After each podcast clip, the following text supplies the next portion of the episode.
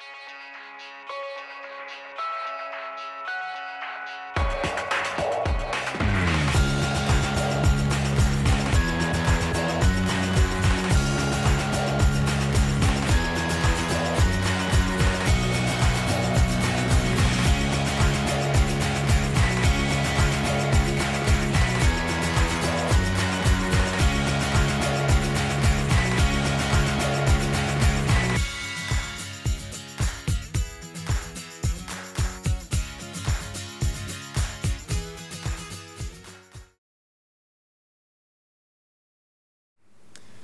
Välkomna till ytterligare ett avsnitt av I Luthers fotspår. Nu ska vi få höra Kristoffer Kullenberg. Han har eh, tidigare varit ungdomsledare i EFS-kyrkan i Ängelholm och är nu pastorsadjunkt i Lyckå församling. Han ska få eh, måla för oss luthersk teologi. Vad var det som, eh, som Luther hade för idéer? Eh, det blir en, eh, en genomgång av centrala begrepp som rättfärdiggörelse genom tron, lag och evangelium, alena-satserna. Så välkomna och eh, bli upplysta. Då är det som så här att jag har växt upp i ett, eh, ett lutherskt sammanhang. Jag har ju fått det här med luthersk tro ända sedan barnsben på något sätt. Ändå så dröjde det egentligen bara till fram till för något år sedan innan jag faktiskt själv läste någonting av det som Luther har skrivit. Vilket man kan tycka är lite roligt när det är ändå de här lärorna, de lutherska lärorna, som jag till stor del bygger min världsbild på, eh, mitt liv på. Eh, då kanske det också är viktigt att faktiskt djupdyka lite i vad var det faktiskt Luther sa. Vad är den lutherska teologin? Och gå till källan på något sätt. Vad var det faktiskt som han sa? Eh, vad är den teologin? Det som han upptäckte. Eh, vad var det för någonting? Eh, liksom. Så det första jag skulle vilja göra, det är ju bara att uppmuntra alla att faktiskt läsa någonting som Luther har skrivit. Det här ligger mycket till grund eh, för det som vi bygger vår kyrka på. Liksom. Så det är värt att satsa lite tid på att läsa någonting av Luther. Och då skulle man kunna läsa till exempel den här lilla skriften om en kristen människas frihet som är liten och nätt och hyfsat lättläst, skulle jag säga. Från 1520, fräsch från tryckpressarna. Superbra. Superbra. Men här går igenom mycket av sin syn då på, på rättfärdighet, eh, rättfärdighet genom tro och hans syn på helgelse också. Lite av det som jag kommer att prata om eh, nu här. Vi ska alltså titta på huvudpunkterna i den lutherska teologin. Eh, Luther for dummies, Eh, om man får lov att säga så. Eh, det behöver inte betyda att man känner sig dum om man tittar på detta. Eh, det är inte samma sak, så att säga. Utan det ska vara lättförståeligt på något sätt. Men det roliga med Luther, det är ju det att han hade inte själv uppskattat det faktum att vi kallar oss för lutherska. Att vi pratar om en luthersk teologi. Han sa nämligen så här själv. Jag ber om att folk ska låta namnet mitt ligga och inte kalla sig för lutherska, utan kristna. För vem är Luther? Läran är inte min. Och hela Luthers poäng är på något sätt att det här är inte hans lära, utan han menar det här är den bibliska läran. Detta är det jag ser i bibelmaterialet. Detta är det jag ser. Så det är inte min lära, det är den bibliska läran. Men eh, nu kallar vi oss ändå för lutherska. Så att eh, nu ska vi kolla på den lutherska teologin då. Eh, och det jag tänker att jag ska gå igenom, eh, det är rättfärdighet genom tro, begrepp nu bara. Rättfärdighet genom tro, Eh, lag och evangelium ska vi prata om. Och sen så har han fem stycken satser som man kallar för alena-satserna. Det är då skriften alena, tron alena, nåden alena, Kristus alena och äran till Gud alena. Så det är det som jag tänker att vi går igenom tillsammans nu. Så lättförståeligt som möjligt. Och rättfärdighet genom tro och lag och evangelium kommer jag lite att bunta ihop nu här i början då. Eh, och sen så går vi igenom alena-satserna tillsammans. Det är planen. Så vi börjar där helt enkelt. Rättfärdighet genom tro. Och då kan man tänka när man hör den här termen rättfärdighet genom tro, då kanske du tänker, ja men det har jag hört tusen gånger.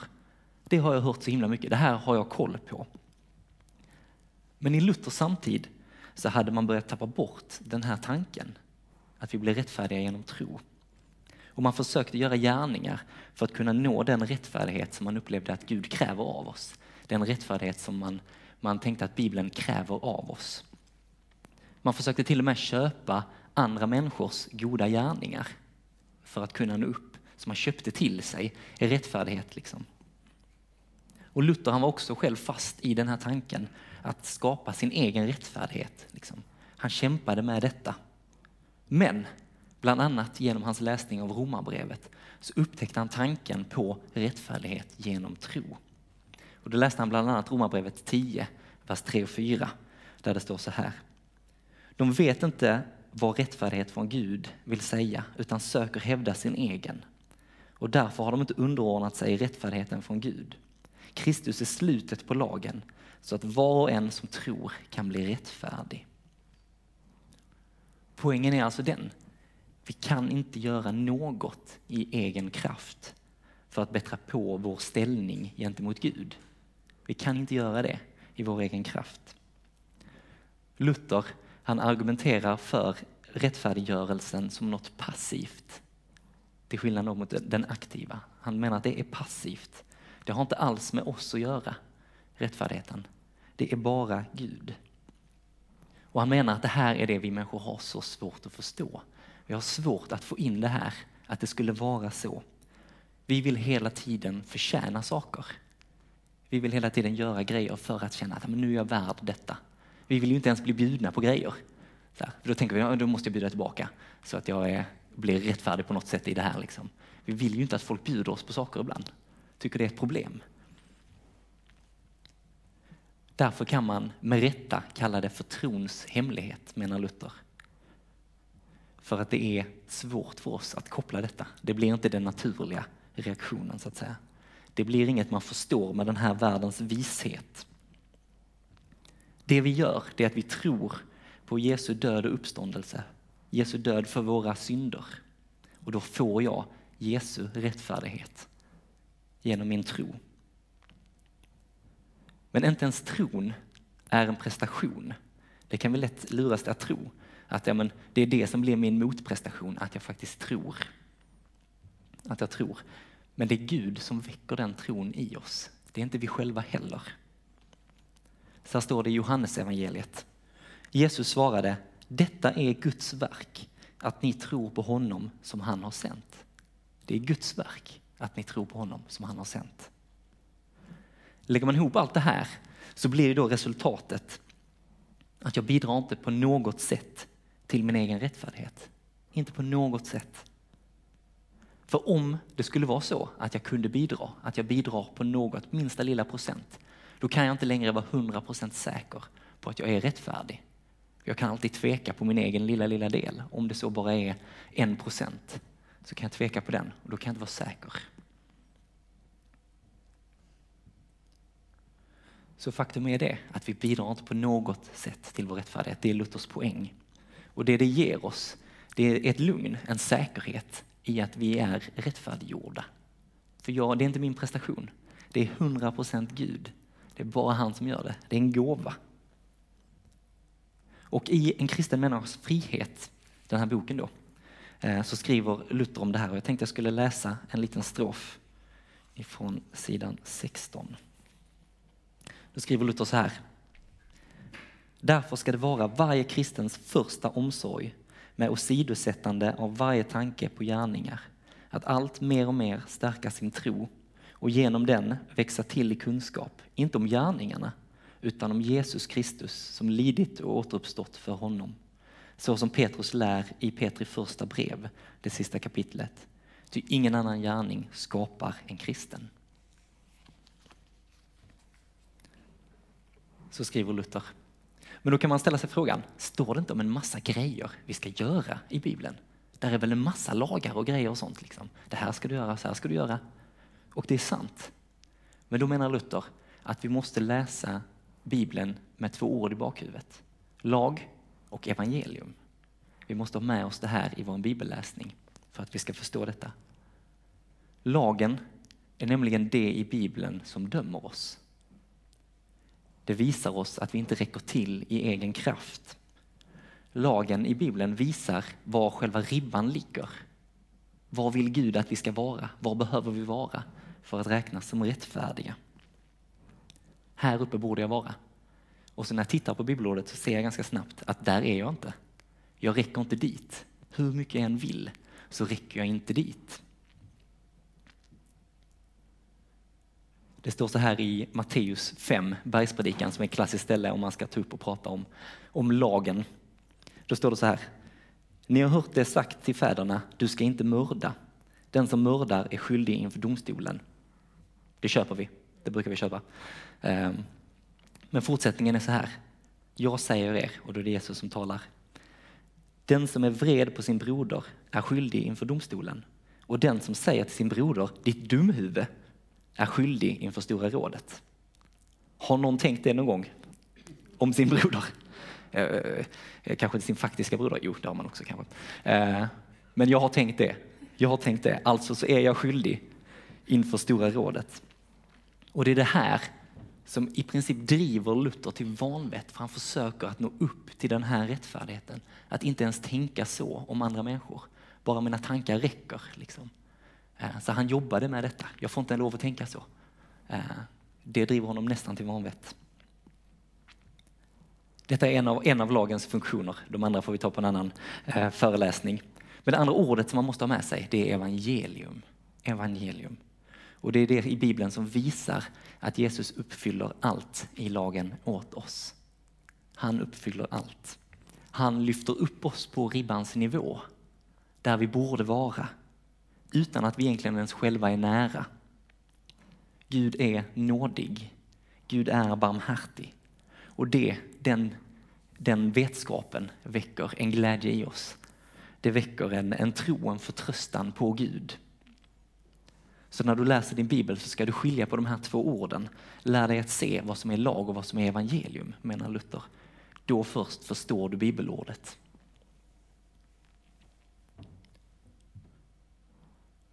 Jag tänker att vi går in på den första alena-satsen då. Och det är skriften alena, helt enkelt. Skriften alena, eller bara Bibeln, kan man ju säga, för att säga det med ett enkelt ord. Bara Bibeln.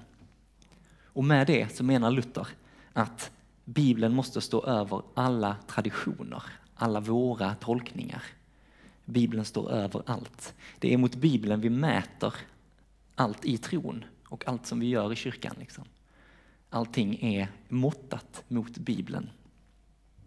Bibeln är det som avgör vad som är rätt och sunt i alla lägen. Så all tradition, alla trosbekännelser, alla läror måste stå i enhet och gå i linje med bibelordet, är hans poäng. Det är det som är Guds ord, vår bibel.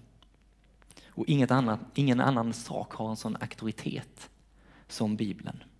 Det är helt enkelt bara Bibeln. Men det betyder ju inte att känslor och andliga upplevelser är oviktiga i övrigt. Det betyder inte att det är oviktigt. De kan vara källor till tro. Det kan väcka tro i mig när jag gör andliga upplevelser på olika sätt. Men de är inte normerande för tron. Helt enkelt så här. Om jag har en andlig upplevelse, om jag får ett tilltal ifrån Gud och det går emot bibelordet, då är det bibelordet som gäller. Då är det det som blir det som sätter normen för vad som är rätt. Så det blir bara den mån mina upplevelser går i linje med bibelordet. Så man kan veta att de är sanna på något sätt. Så att Bibeln blir rättesnöret också där i mina upplevelser. Och så gäller det med allt annat också. När det gäller tradition, när det gäller kyrkliga ledare, eh, när det, allt, allt sånt står under Bibeln i auktoritet. Det är inte ett jämbördigt förhållande mellan de här två helt enkelt. Utan Bibeln står i en särklass när det kommer till det här. Helt enkelt. Det är Luthers poäng med skriften alena. Luther säger så här när han står inför ett, ett förhör i Worms. Eh, de vill att han ska ta tillbaka hans skrifter. Och då säger han så här. Om jag inte är övertygad av Bibelns bevis eller av ren orsak, för jag litar inte till varken påven eller myndigheter ensamt, eftersom det är väl känt att de ofta misstagit och motsagt sig själva. Jag är bunden av Bibelns ord och mitt löfte till dem och mitt samvete är knutet till Guds ord. Så det han säger egentligen helt enkelt är, om ni inte kan visa att jag har fel med Bibeln, med bibelordet, då kommer jag inte ta tillbaka det. Då kan jag inte ta tillbaka det. Det vore inte rätt. För jag måste lyda Gud mer.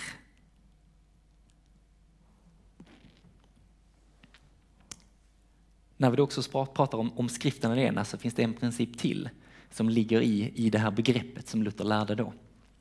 Och det är att Bibeln kan och bör tolkas eh, av sig självt, så att säga.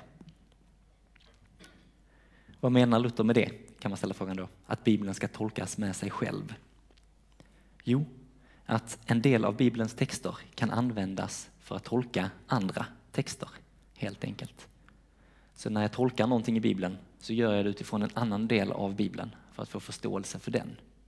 Det är Luthers poäng med det här och han bygger det bland annat på andra Timoteusbrevet 3 och 16 där det står att varje bok i skriften är inspirerad av Gud och till nytta när man undervisar, vederlägger, vägleder och fostrar till ett rättfärdigt liv.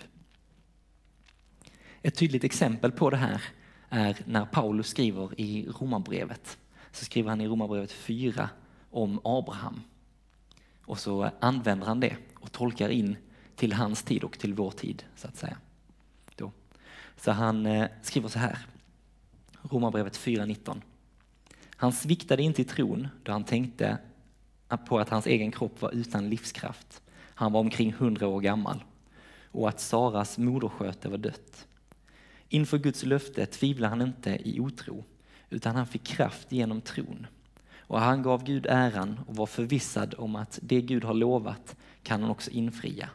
Därför räknades han som rättfärdig. Men inte bara om honom skrevs orden räknades som rättfärdig, utan också med tanke på oss. Vi ska räknas som rättfärdiga, ty vi tror på honom som från de döda har uppväckt vår Herre Jesus.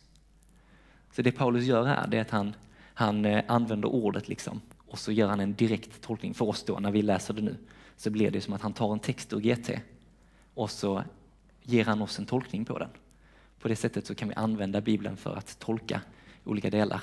Det här är ett väldigt tydligt exempel eftersom man gör en direkt tolkning. Men man kan tänka det här på flera sätt också. Man kan använda en bibelbok för att tolka en annan, så att säga. Jag kan använda en hel del av Bibeln. Jag kan använda Nya Testamentet för att tolka Gamla Testamentet. Så att säga. Det är genom att se på Jesus och läsa om Jesus i Nya Testamentet som jag förstår Gamla, det som står där. På det sättet så använder jag en del av Bibeln för att tolka en annan. Så att säga. Och när vi gör detta, när vi bekänner detta på något sätt att det är skriften alena, eh, då eh, bekänner vi också på något sätt att Bibeln är en enhet, en helhet. Allt i den hör ihop. Vi behöver helheten för att förstå delarna. Vi kan inte lösrycka bibelverser på det sättet, utan vi behöver ha helheten för att kunna förstå delarna. Så Luthers hälsning är på något sätt, innan du köper någonting som sant, så eh, kolla det mot Bibeln, mät det mot den. Stämmer det överens med det du ser där? Och det gäller då både dina egna upplevelser av tro, det gäller alla trons traditioner, allt det som vi tar för givet, som vi har gjort i flera tusen år. Eh, så här, vi måste mäta det mot bibelordet. Inga uttalanden som görs eh, kan göras utan att vi mäter det mot bibelordet. Så att säga. Det är det som är rättesnöret för vad som är rätt och riktigt. Om det nu är Guds ord så blir det, det, det blir eh, följden helt enkelt av den tron. Nästa alena som jag tänkte prata om då är alltså tron alena. Tron alena. Sola fide. Eh, om man ska säga det med fint ord. Eh, man kan också säga bara tro helt enkelt. Och tanken där är att det, det handlar bara om tro. Det är precis som det låter. Goda gärningar fungerar inte när vi talar om vår ställning gentemot Gud. När vi talar om vår rättfärdighet. Då hjälper inte gärningar, det är bara tro. För att tala kyrkiska, som jag hört någon säga någon gång. Eh, gärningar leder inte till rättfärdighet. Många fina kyrkord där.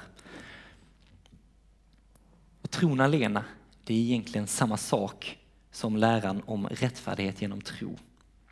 Som vi redan har pratat lite grann om ju. Men det är värt att stanna upp lite extra bara just i det här att det handlar bara om tro. För även om vi tänker och säger att det är så enkelt, vi vet det, det handlar bara om tro, så är det inte alltid så enkelt för människan att landa i det här på något sätt, att luta sig på det här, att det handlar bara om min tro. Just eftersom vi så gärna vill förtjäna saker, vi vill prestera. Då känner vi oss duktiga. Eh, Därför är det så svårt för oss att ta till det. Och Luther han menar just detta, att ehm, så fort vi har möjlighet så vill vi gärna kolla på våra egna gärningar och se hur väl ser det ut med mig. Liksom. Hur står jag mig gentemot någon annan? Hur står jag mig gentemot de här? Vi har så lätt att ta till det i våra liv. Att vi jämför oss. Vi vill vara duktiga, helt enkelt. Vi älskar tävlingar. Väldigt många gör det. Jag älskar tävlingar. Så här, för då får vi mäta oss mot varandra. Um, så att vi gillar sådana saker. Vi drar oss automatiskt till gärningar väldigt, väldigt ofta. Till exempel, har du tänkt på hur du presenterar dig för andra människor? Hur presenterar du dig? Jo, du pratar om vad du gör. Du pratar om dina prestationer. Ja, men jag har gjort detta och jag har gjort detta. Jag jobbar eh, med detta. Jag, jag eh, har utbildat mig nu. Jag ska snart jobba som präst. Eh, jag bor i en lägenhet. Eh, så här. Jag spelar fotboll i 25 år. Det är bara mina prestationer eh, som man rapar upp. Liksom. Det är bara det som är intressant. Vad jag har gjort. Vi klarar inte att själva vända oss från den aktiva rättfärdiggörelsen. Så att säga. Det är Luther, det Luther säger. Vi klarar oss inte att vända oss ifrån detta. Vi går automatiskt till gärningarna, till den aktiva, att vi försöker förtjäna vår rättfärdighet. Vi klarar inte att vända oss från den till den passiva i vår egen kraft. Den passiva som erkänner att det bara är en gåva från Gud. Det är därför både Luther och Paulus så envist argumenterar för det här. Att det är rättfärdighet genom tro. Luther är väldigt glad för Paulus för att han gör väldigt mycket. Han argumenterar väldigt mycket för det här. Det handlar bara om tro. Det är inte gärningar. Så här, omskär er inte, för det är en gärning. Talar han om i Galaterbrevet. Så här, det handlar bara om tro. Och de trycker så hårt på detta för de menar att vi behöver höra det. Vi behöver höra att det handlar inte om gärningar utan det handlar om tro. Men detta betyder inte att gärningar är oviktiga.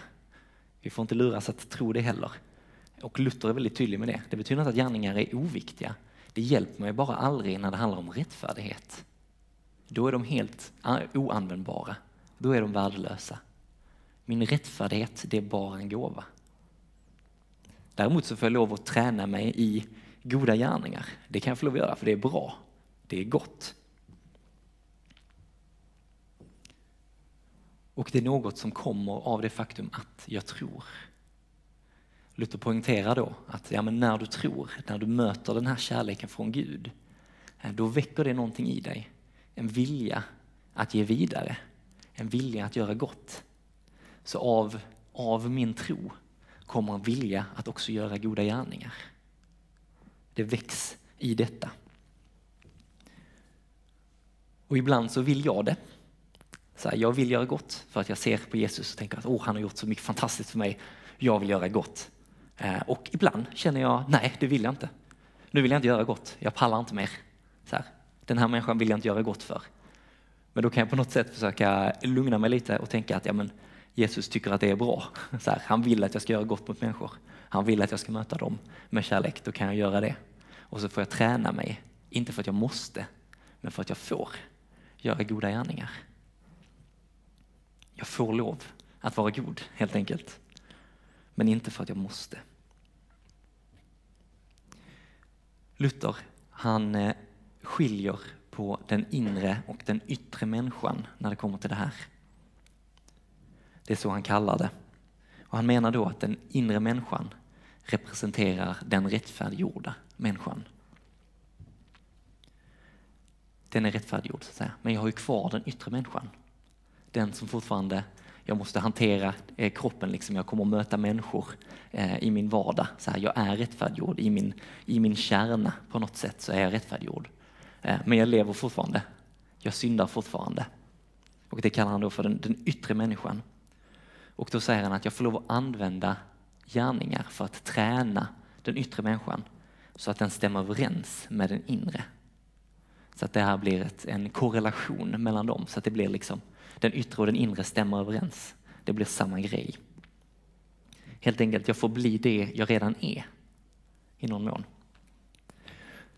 Och jag tänkte då på ett exempel eh, som kan förklara det. Eh, och det är ju på något sätt om man är född till någonting eh, och så har jag inte blivit uppväxt som det. Man skulle kunna tänka typ Lejonkungen, om man har sett den filmen. Man skulle kunna tänka en prinsessas dagbok, om man har sett den filmen. Kanske någon har sett det. Eh, det är faktiskt en prinsessas dagbok som är den bästa jämförelsen, så jag kommer att utgå från den, eh, tänker jag. Och då är hela tanken att hon är född i en, eh, en familj. Hon är en prinsessa. Hon vet bara inte om det. Att hon är, är arvtagare till ett rike. Så hon är de facto prinsessa. Hon vet bara inte om det. Går på en helt vanlig skola, lever ett helt vanligt liv. Eh, inte den mest populära i sin klass helt enkelt. Det är så filmen byggs liksom. Men i sin kärna så är hon ju prinsessa. Hon är född, född adlig, född royalty så att säga. Men hon växer inte upp på det sättet. Hon lär sig inte vad det innebär att vara en prinsessa. Hon kan inte kneget, helt enkelt. Hon vet inte hur gör jag jobbet att vara prinsessa. Sen helt plötsligt så uppdagas det, oj, jag är ju prinsessa. Alltså inte jag då, utan eh, hon är i filmen. Eh, så uppdagas det, hon är ju prinsessa. Och helt plötsligt så måste hon lära sig vad det innebär att vara en prinsessa. Helt plötsligt så måste hon träna sin yttre människa för att spegla den inre, det hon redan är. Så hon måste lära sig då, ja men hur äter jag middag på ett korrekt sätt? Hur hanterar jag kniv och gaffel? Um, hur möter jag människor? Hur vinkar jag på ett korrekt eh, adligt sätt? Liksom? Eh, jag behöver lära mig hela den grejen för att den yttre jag ska stämma överens med den inre. Det faktum att hon då är en prinsessa. Den tanken tänker jag är väldigt, eh, ett väldigt bra sätt att förstå Luthers tanke här med den inre och den yttre människan helt enkelt. Så vi har en inre kärna som är rättfärdiggjord genom tro helt enkelt. Och sen så får jag lov utifrån det som är ett faktum, det är så, så får jag lov att träna mitt yttre så att säga. Så att jag mer och mer liknar det jag redan är, en rättfärdiggjord människa. Och hur gör jag det bäst? Jo, jag gör det bäst genom att titta på Jesus, lära av det han gör. Hur möter han människor? Hur hanterar han kniv och gaffel? Om man ska referera till en prinsessas dagbok igen. Kanske inte, kanske inte så tydligt utifrån bibelordet, men man kan ju fundera på det. Eh, Helt enkelt, jag får lära mig av Jesus. Jag får se på honom. Jag får eh, göra som honom, möta människor som han gjorde. Eh, undervisa som han gjorde, helt enkelt. Jag får försöka ta efter allting där för att också då min yttre människa ska överensstämma med min inre. Och då tänkte jag vill läsa ett litet citat till ur En kristen människas frihet. Eh, man ser ju så bildad ut om man har en liten bok på scen eh, och läser ur den. Så då tänkte jag, då gör jag det.